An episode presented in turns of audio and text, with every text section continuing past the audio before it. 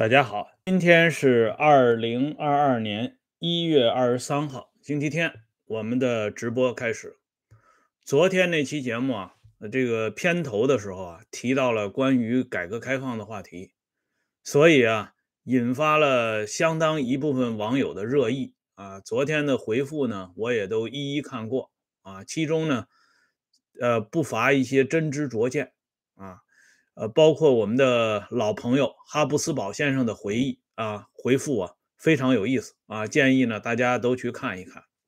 那么今天这期节目呢，正好就沿着昨天咱们这些网友啊发出来的这些感慨以及回复，我们再简单的说这么二十来分钟，二十来分钟啊，就是来讲一讲咱们多数人。啊，甚至是多数普通人都亲身经历的这场改革开放，说一说啊，谁才是这场改革开放运动的真正的受益者？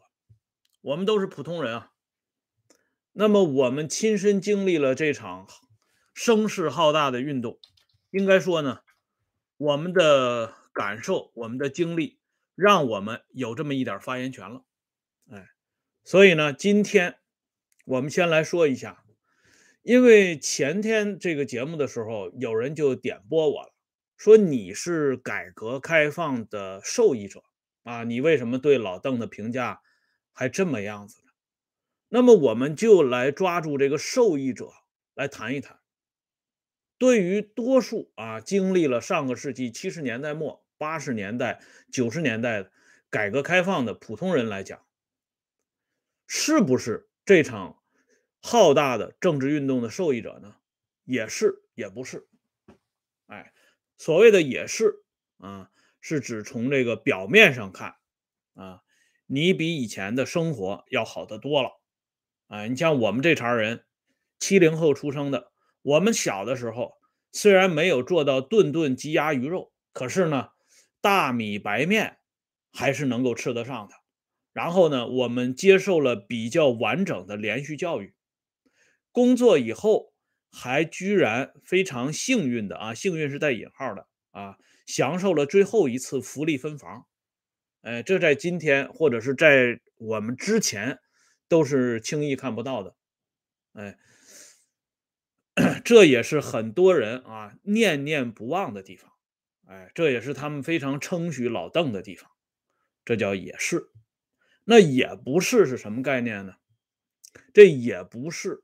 就是说，这场运动留给咱们这个民族，留给这个国家，留给我们这些普通人，乃至我们的后代，以及全世界以及人类来讲，它的这种影响，不论是从意识形态方面的，还是从切切实实老百姓腰包里边的，从长远看，它就不是了。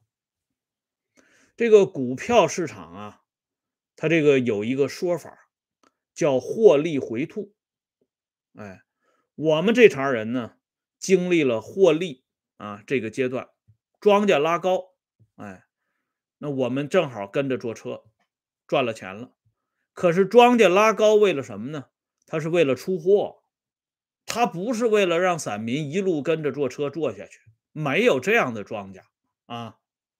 所以这获利到了后来就变成了回吐啊。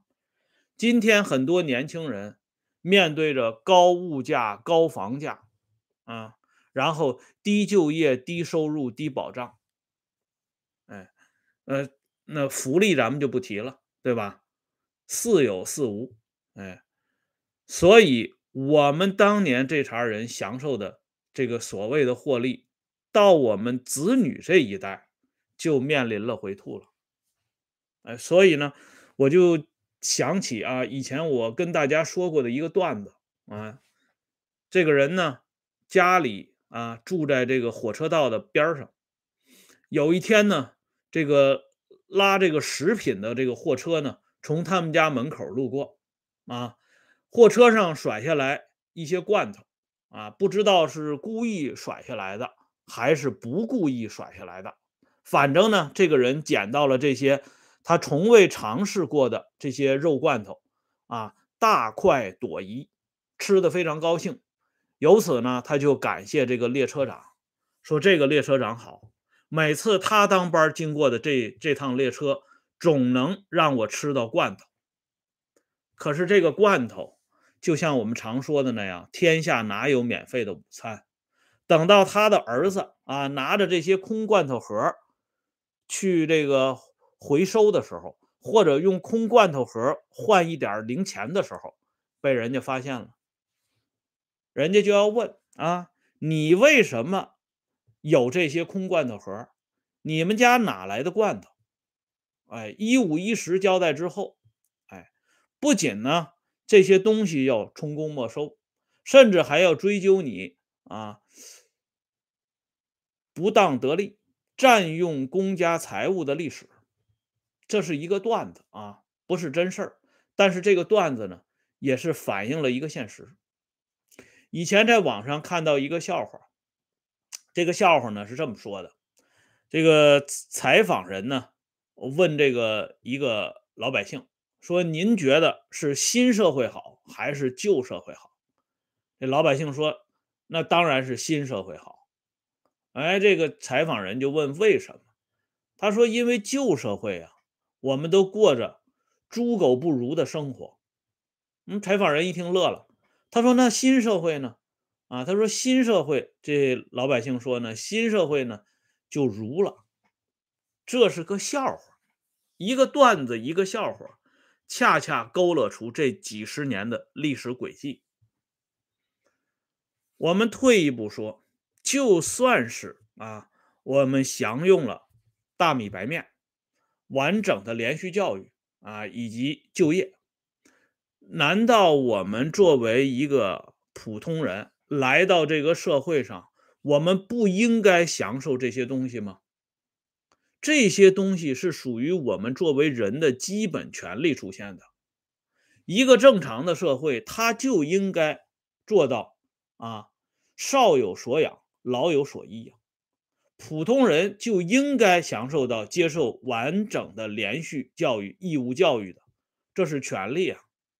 哎，就应该能够吃吃得上饭的，自己动手啊，丰衣足食，对吧？可是这些东西呢，过了四十多年啊，居然啊变成了我们意外的福利。变成了一个天大的惊喜，而且我们回过头来还要感谢这个啊，貌似给我们带来惊喜啊，带来这个获利的人，这是一个非常滑稽的事情。那么接下来呢，我们就要看一下这场改革开放运动它的主要目的是什么？人家为什么啊？要搞这一场改革开放运动，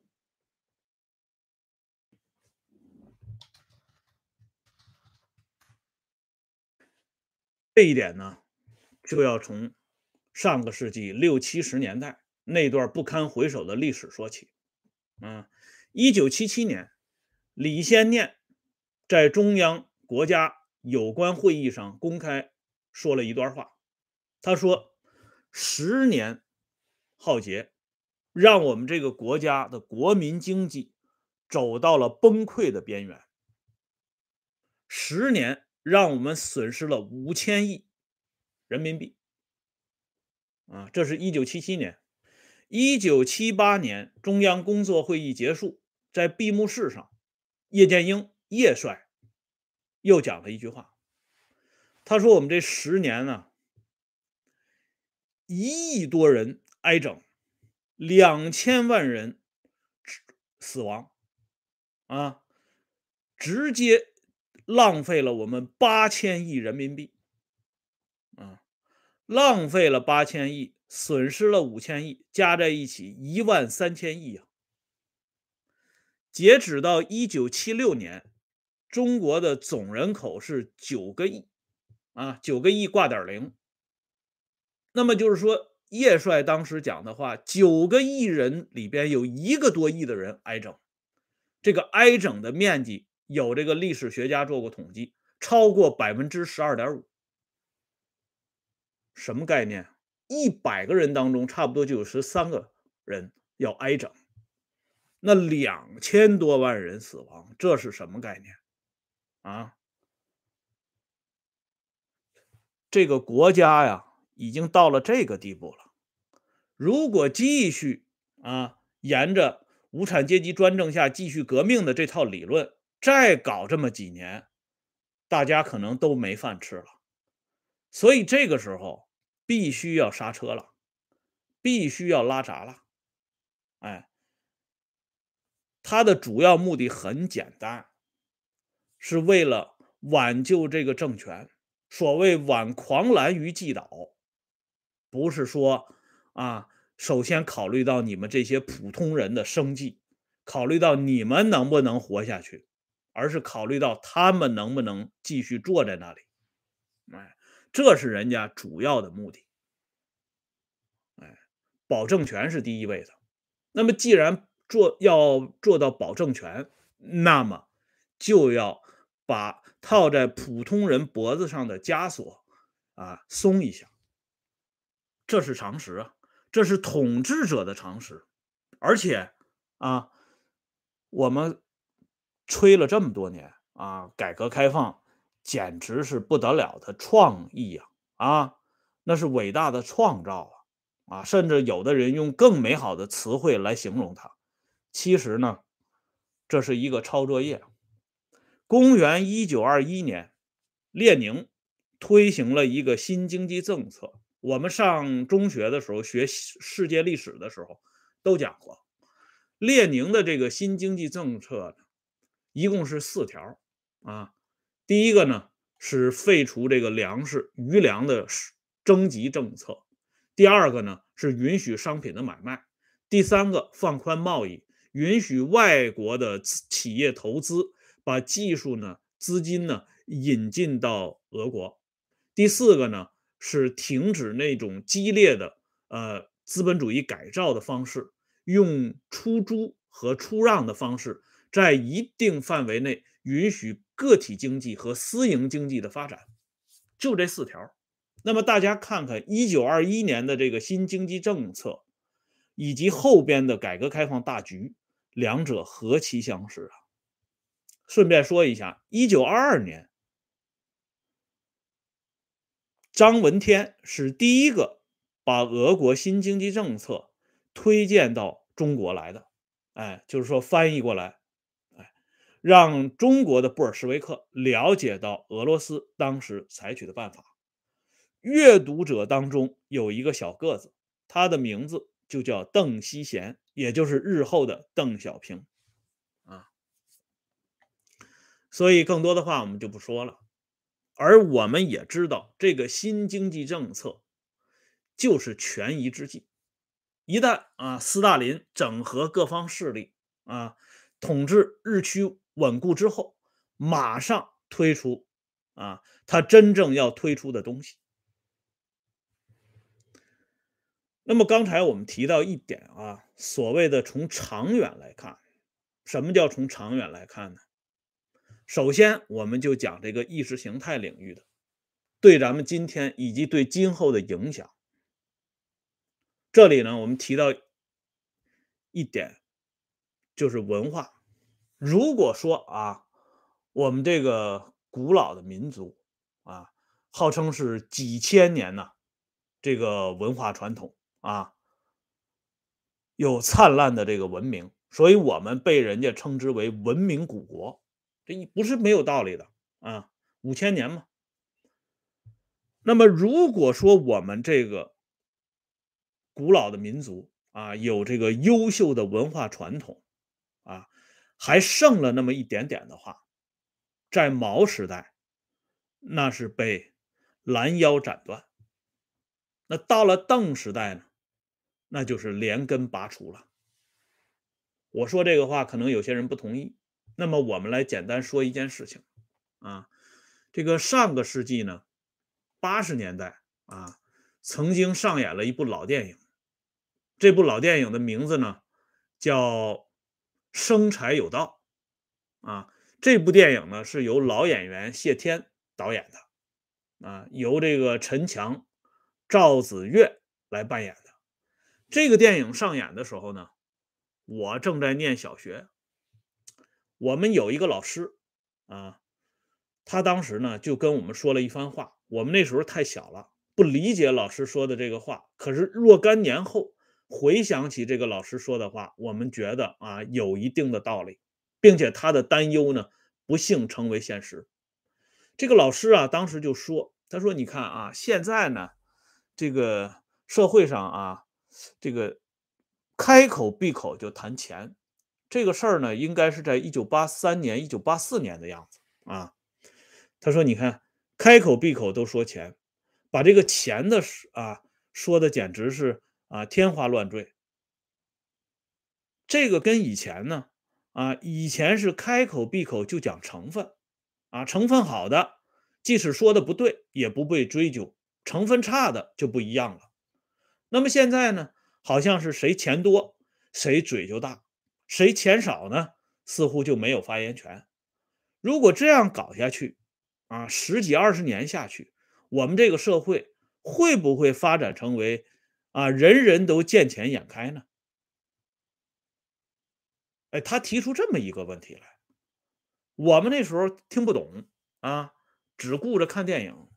可是到了今天，大家看一下，咱们这个社会呢，在。八十年代的时候，我们从小接受的教育就是说，西方社会人人啊，这个关系都是金钱关系，没有亲情友情，非常冷漠。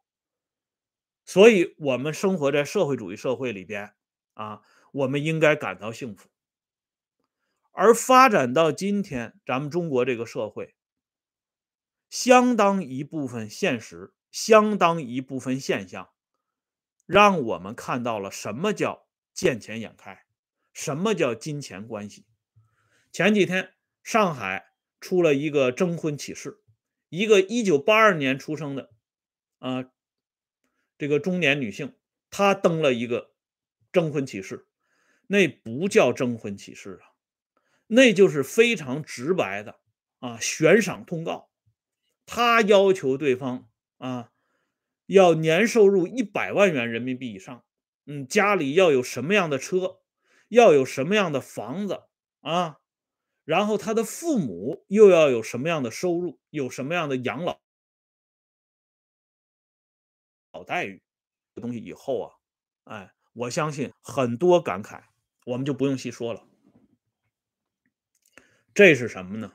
这就叫移风易俗。我们曾经的那种厚朴厚道的那种民风民俗，最后呢转化为奸猾刁滑。哎，所以我说呢，嗯，什么叫连根拔除？这就叫连根拔除。而这个移风易俗，一旦转移了，那可不是说十年八年就能改过来的，几十年可能都扭转不过来了。这个影响一代一代就传下去了，哎，这是一方面。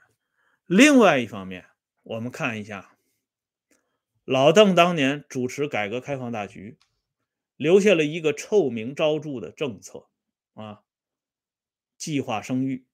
我们今天感叹啊，中国的人口出现大规模的沉降。这国家统计局都公布这个数据了啊，这是公开的数据，四十八万啊。这根儿从哪儿算呢？就是从这个计划生育算起啊。实际上，控制人口增长没有问题啊。当年英国人写过人口论，咱们中国中国大清朝嘉庆年间著名的学者洪亮平也写过治平篇。我们上高中的时候学过这篇古文，可是不论是英国人的人口论，还是洪亮吉的治平篇，它里边都提到了一个根本问题，就是说控制人口增长不能搞粗暴的一刀切，而是要从根本上找原因。可是我们看到的是什么呢？这里呢，我给大家讲一段故事。这邓小平呢，他曾经说过这样的话，他说：“我一看见我们家普方的那个样子，我就特别的痛恨聂元子这些人。啊，因为邓普方大家知道高位截瘫，他是由于啊这个在十年浩劫当中被人家陷害导致的啊，进入到这种困境。邓小平看到自己的长子啊处在这种状态，他痛不欲生。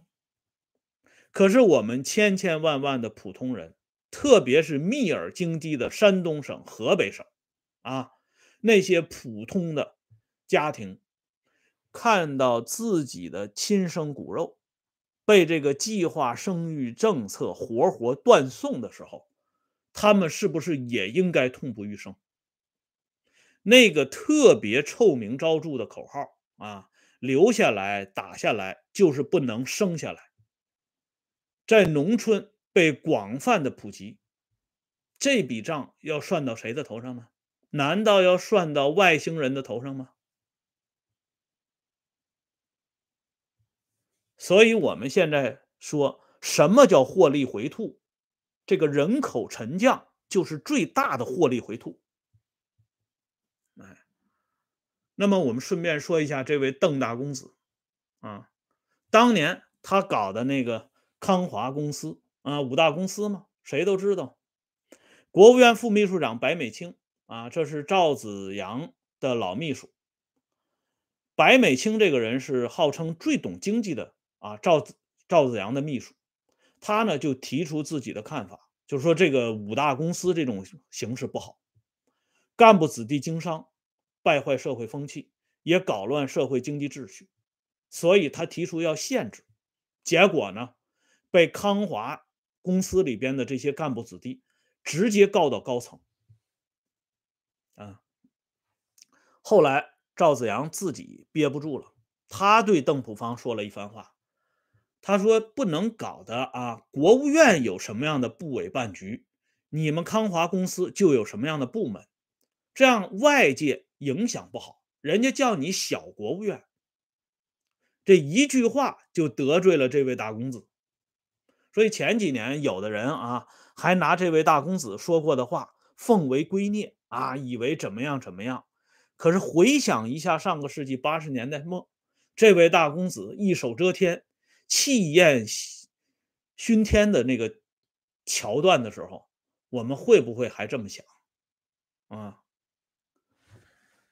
所以，我们现在回过头来看啊，军队经商、干部子女经商这个口子是谁开的呢？不言而喻。自古以来啊，古今中外哪有一个朝代，哪有一个国家，军队可以合法经商？军人要钻到钱眼里，那还能叫军人吗？他还能保卫国家吗？但是这个口子。居然一开就是十几年、二十年啊！嗯，那么昨天的回复里边呢，有一个人很特殊啊，他说了这么句话啊，他说：“你们总是喋喋不休的讲上个世纪八十年代末啊那个天安门事件，为了几亿人、十几亿人的安全啊稳定，搞掉几百人算什么呢？”哎。所以我说呢，这个本世纪发明的一个网络语言非常好，叫“地命海心”。地沟油的命，中南海的心，这句啊成语非常到位。因为当年毛泽东就讲过类似这样的话，他说：“我在红军啊搞肃反的时候，确实搞掉了五千个人，可是我保全了四万红军呢。”所以十年啊，这个不堪回首的时候，人家也是这个逻辑。虽然搞掉了两千万人啊，一亿多人挨整，可是我保证了剩下那八亿人或者是七个多亿人的安全和稳定啊，我保证了那七个多亿人的生命的安全呢。哎，所以这叫顾全大局。同样啊，啊，计划生育。虽然搞掉了那么多无辜的人，啊，但是呢，我保证了活下来的这些人，他们享受到了这个红红利。请问，这样的逻辑，这样的结论，大家同意吗？或者说我们在座的哪一个普通人愿意成为那个代价呢？哎，我相信发表回复的这个人和他的全家恐怕也不愿意做那个代价。哎，但是呢，他跟统治者之间，他就有一种高度的共鸣，所以人家为什么开玩笑呢？说这届人民不行，说对了一半啊，因为由人民选出来的，或者说推举出来的，那就更不行。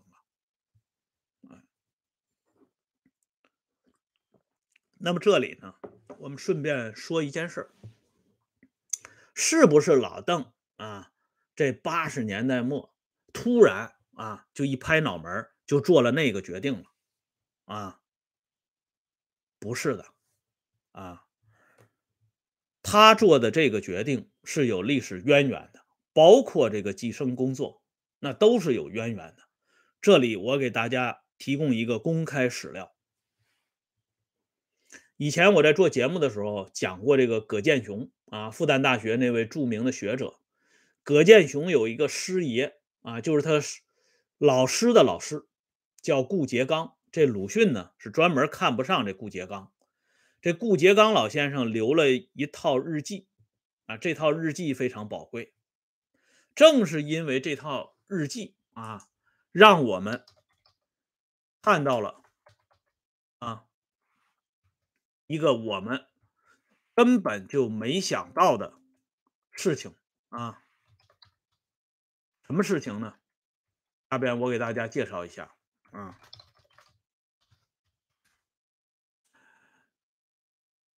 大家都知道啊，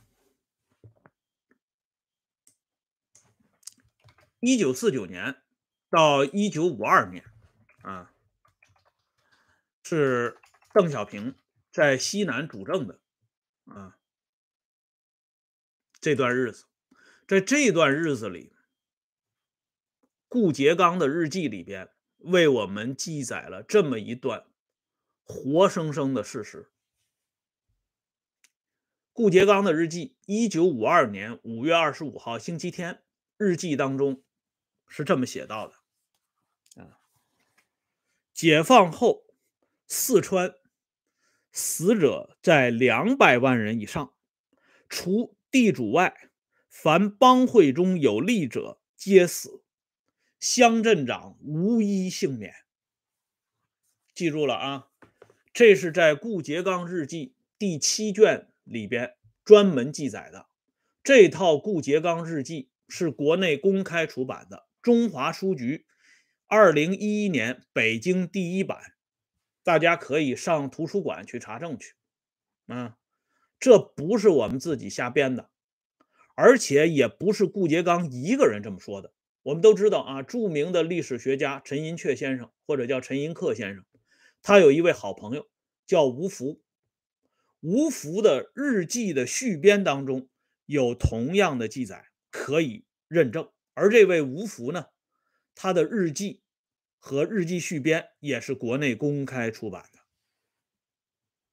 换句话说，截止到顾颉刚日记五月二十五号，一九五二年，老邓在四川主政不到三个整年的时间里边，就有两百万人死于非命。人家说了，解放后啊，而且担任过啊民国时代的乡镇长，那是无一幸免的。这里有多少条人命？大家算一算。所以咱们讲，如果他不是一个惯犯，啊，他怎么会在上个世纪八十年代末动那样的心思？不可能的。没有无缘无故的爱，也没有无缘无故的恨。可惜的是，有些人太天真了，以为打着那个横幅“小平您好”。以为可以直呼这位领导人的大名“小平同志”，就以为这位啊面容和蔼可亲啊笑容可掬的老爷子，真的是他们寻常家的老爷子一样？不是的，人家不是没有刀的，人家也不是不想拔刀的，更不是刀枪入库马放南山。老邓的核心是什么？四个坚持。什么叫四个坚持啊？坚持无产阶级专政，坚持社会主义道路，坚持马列主义毛泽东思想，坚持党的领导。这四个坚持里边有哪一个是保证你普通人的福祉和安全呢？有吗？没有的。毛泽东留下的是毛选五卷，我们又叫五把刀子。什么叫五把刀子？地富反坏右，这五把刀总有一把适合你的脑瓜子。哎，老邓呢就改为四个坚持，到老姜的时候变三个代表，老胡的时候变两个务必啊，就是这么排列的。但是这些内容万变不离其宗。讲的都是一个意思，啊，什么叫法治啊？就是想法治你，啊，你真以为自己跟人家的心是相通的吗？不是的，两码事儿，哎，所以呢，我们回过头来啊，最后看一下这场改革开放运动，看一下今天的一些情况，就应该心中有数，啊。好了，今天咱们这期节目呢，就说到这里，拉拉杂杂的啊。这个欢迎大家呢加入温相会员频道，经常有更新。嗯，